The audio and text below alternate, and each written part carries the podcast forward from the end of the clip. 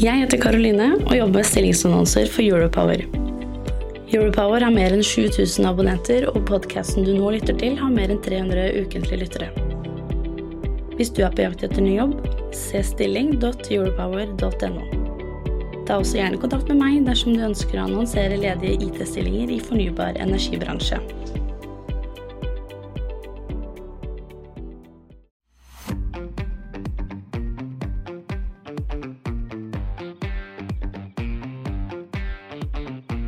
Hei, og velkommen til Europowers strømmarkedet på tre minutter.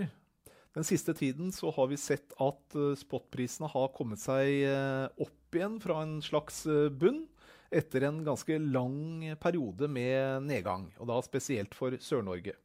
Nå ser prisene både i Europa og Sør-Norge ut til å ha bunnet ut og er på vei opp igjen. Og Det gjelder for så vidt også for Midt-Norge og Nord-Norge. Og Nord-Norge kan se ut til at de får altså den høyeste ukesnittprisen eh, i år, altså denne uken her. Dette her skjer jo samtidig som eh, vannmagasinene ser ut til å ha nådd en eh, midlertidig topp. For Norge totalt så ligger altså fyllingsgradene over median. Men altså sist uke så var det altså en nedgang totalt sett i eh, magasinene. I eh, Sør-Norge der har vi altså det eneste prisområdet i Norge som ikke ligger over median fyllingsgrad. Der er det noe større magasiner, altså flerårsmagasiner, som tar litt lengre tid å fylle opp. Så da med lavere tilsig inn i magasinene, så kan det kanskje se ut som den ikke når medianen denne vinteren.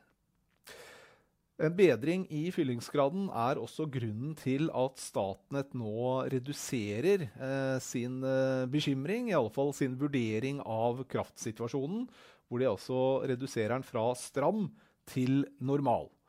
Og helt siden 24. mai i år så har Statnett vurdert eh, situasjonen i Sør-Norge som eh, stram, og nå legger den altså til normal. Men de opprettholder rapporteringen fra en del sørnorske produsenter, fordi de mener at situasjonen i Europa den er eh, fremdeles anstrengt.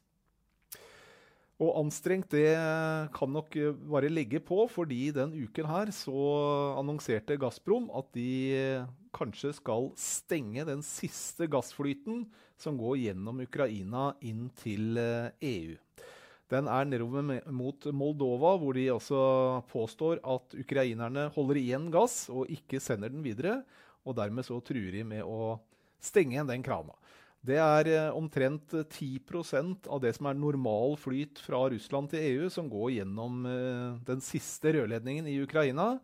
Og hvis de stenger den, så er det kun flyten gjennom Tyrkia som går inn til eh, Europa.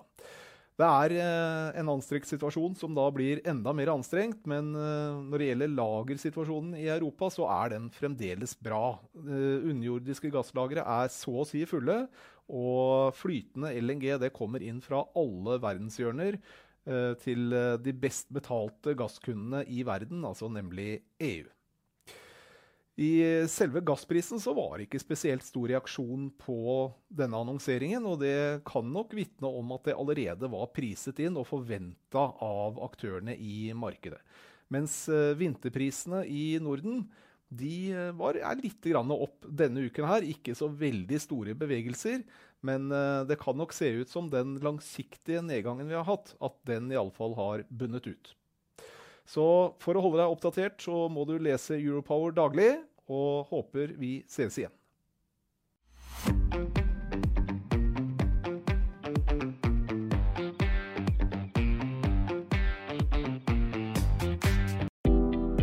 Jeg heter Karoline og jobber med stillingsannonser for Europower. Europower har mer enn 7000 abonnenter, og podkasten du nå lytter til, har mer enn 300 ukentlige lyttere. Hvis du er på jakt etter ny jobb, se stilling.europower.no. Ta også gjerne kontakt med meg dersom du ønsker å annonsere ledige IT-stillinger i fornybar energibransje.